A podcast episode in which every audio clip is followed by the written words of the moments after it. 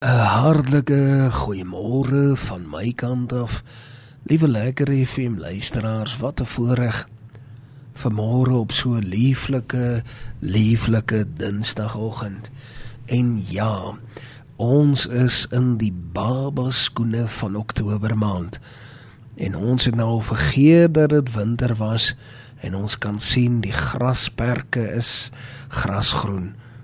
En ons weet dat die Here Here ook dan nou in ons harte kom werk. En ons vertrou dit. Ons weet ook dat die Here binne in sy soen met elkeen van ons werk en dat die Here rema woord stuur. En ons noem dit baie maal dis 'n nou woord. Dis dis 'n daadwerklike nou woord. Iets wat in ons gees resoneer, iets wat dadelik sin maak en binne in jou omstandighede vir jou kom aanspreek. Dit was so kosbaar. Ons gisteroggend en ons praat nog hierdie hele week oor die beskerming, die teenwoordigheid van die Here in ons lewe, sy hand van bewaking.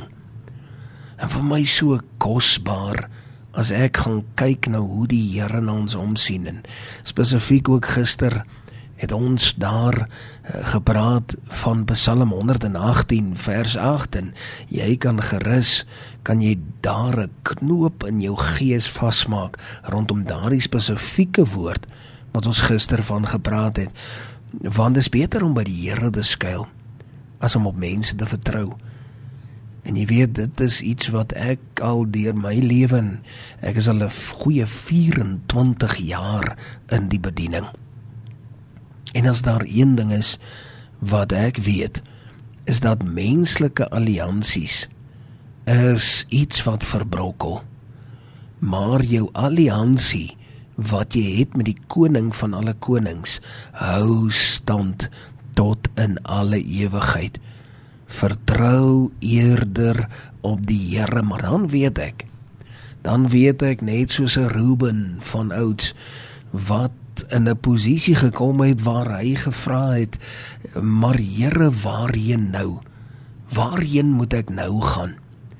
Want jy weet, sy broers het besluit onderlangs om vir Josef te vang en en dood te maak en hy het besluit om hulle te oortuig om eerder vir Josef binne in die put te gooi.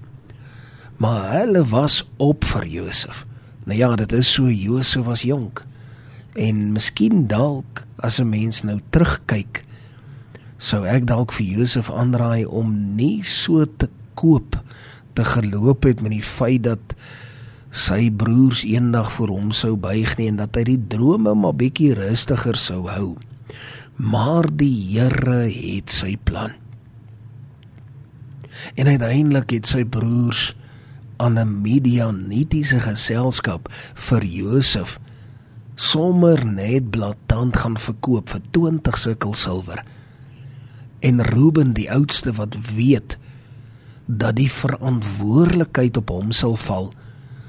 En ek is seker daar is baie lekker FM luisteraars wat vanmôre ingeskakel is wat iets weet van die verantwoordelikheid wat op jou skouers sal val en wat op jou sal rus. En daar vra hy die groot vraag. En hierdie is 'n vraag wat ons baie maal vir mekaar vra. Wat nou? Waarheen nou? En dan vind ek dat daar net een plek is waarheen jy kan gaan. Net een enkele plek. Dit is na die koning van alle konings. Dit is daar waar die Here alleen na jou en na my kan omsien en dit is daar waar ek weet die Here sal na ons almal kyk. En ek wil jou vra om jou Bybel in jou hande te neem. Gaan kry hom iewers te waar. Miskien dalk net lê hy daar iewers in jou kas en jou laai.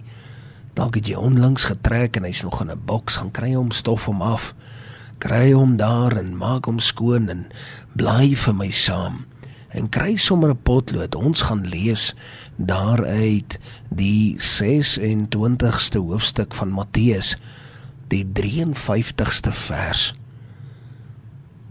Nou luister mooi wat sê die woord van die Here hier. En hierdie is baie baie belangrik.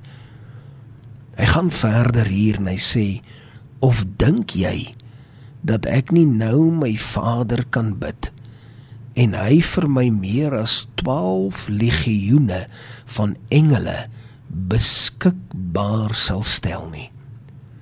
Hierdie is vir my baie treffend.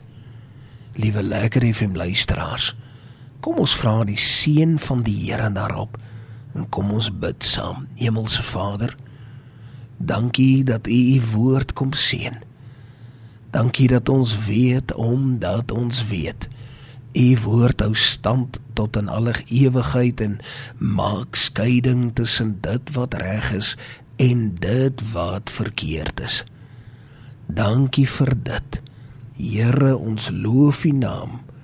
Ons prys U daarvoor in Jesus naam. Amen. En amen. Liewe lekker FM luisteraars, ek het hierdie skrifgedeelte vanmôre spesifiek in jou midde kom los dat jy moet verstaan hoe die Here na ons sal omsien.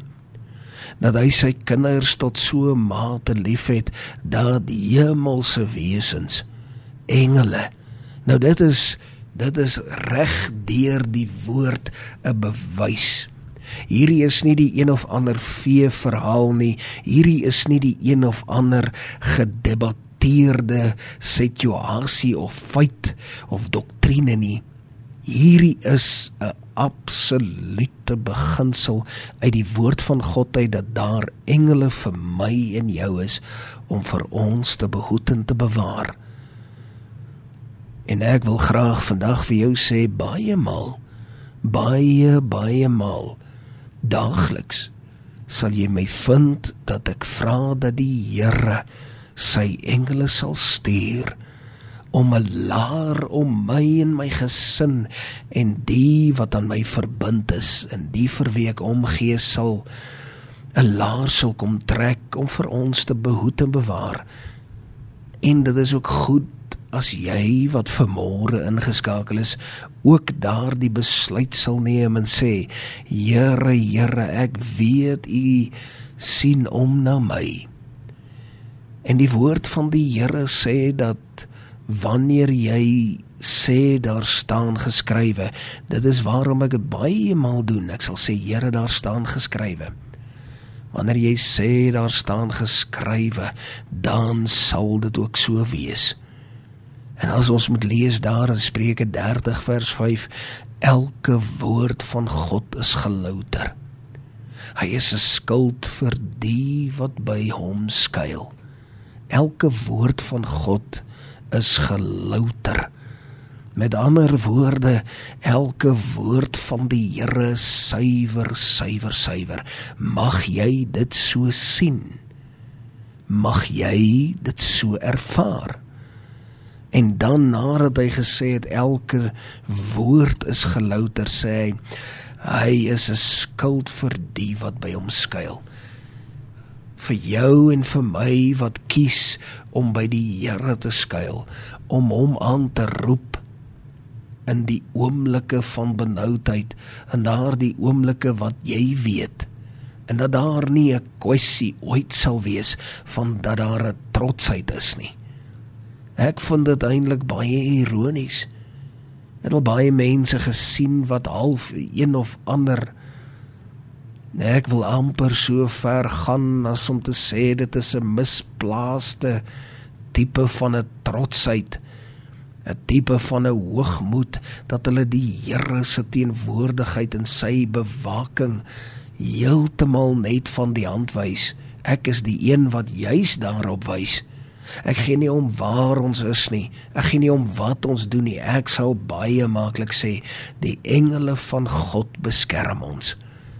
Ek kan as ek nou moet vandag liewe lekker FM luisteraar, kan ek jou uur lank besig hou waar ek weet dat die Here gekom het en behoed het en bewaar het, waar die Here sy hand kom strek het en vir ons laat skuil het onder sy vlerk.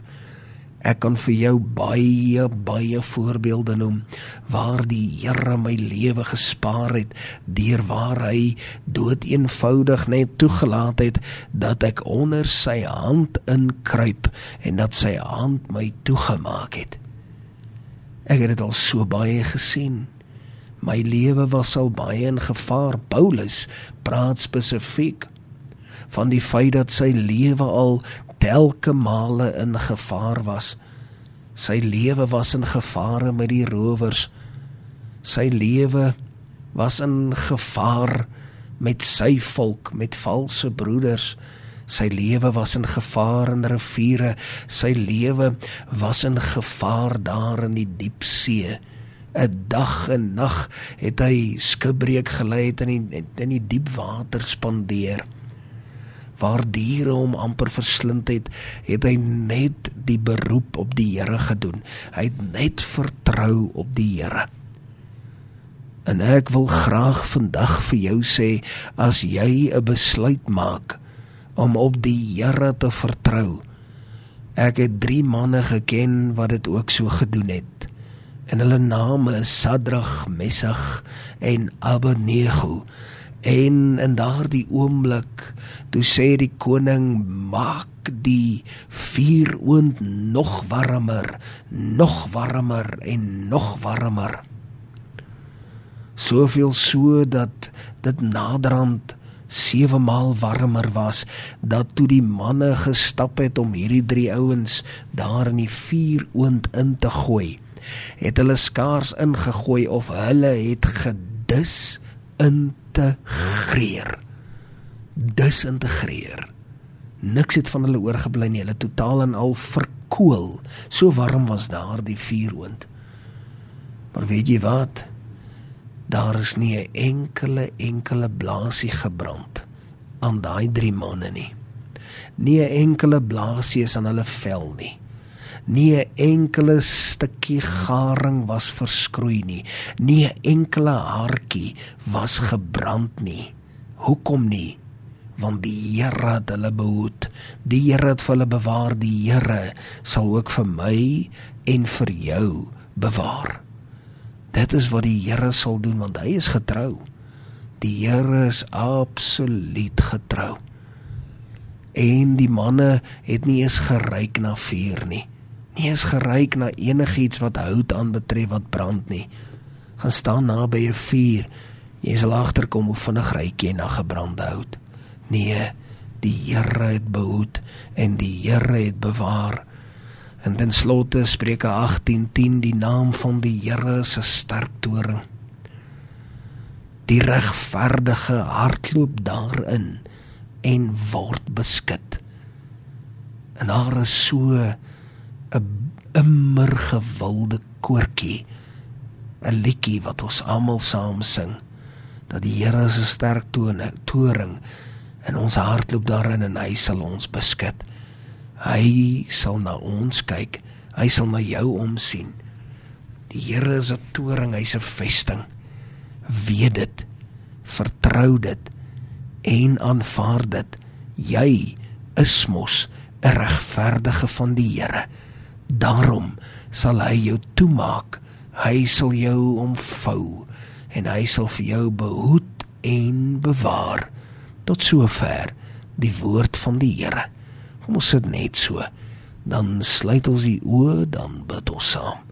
Hemelse Vader, dankie vir u woord. Dankie dat u woord kragtig is. Kragtiger as 'n tweesnydende swaard. En dat u na ons sal omsien. Here my gebed is dat U ons sal vasmaak onder U genade en dat U na ons sal omsien op 'n manier wat ons dit self nie verwag nie. En Here, ek wil vra dat U na al ons reisende evangeliste kyk, ons sendelinge, dat U hulle ook sal beskerm en dat U bronne oor hulle sal losmaak. Dit Here is ons gebed in die kosbare naam van Jesus Christus van Nasaret. Amen. En amen.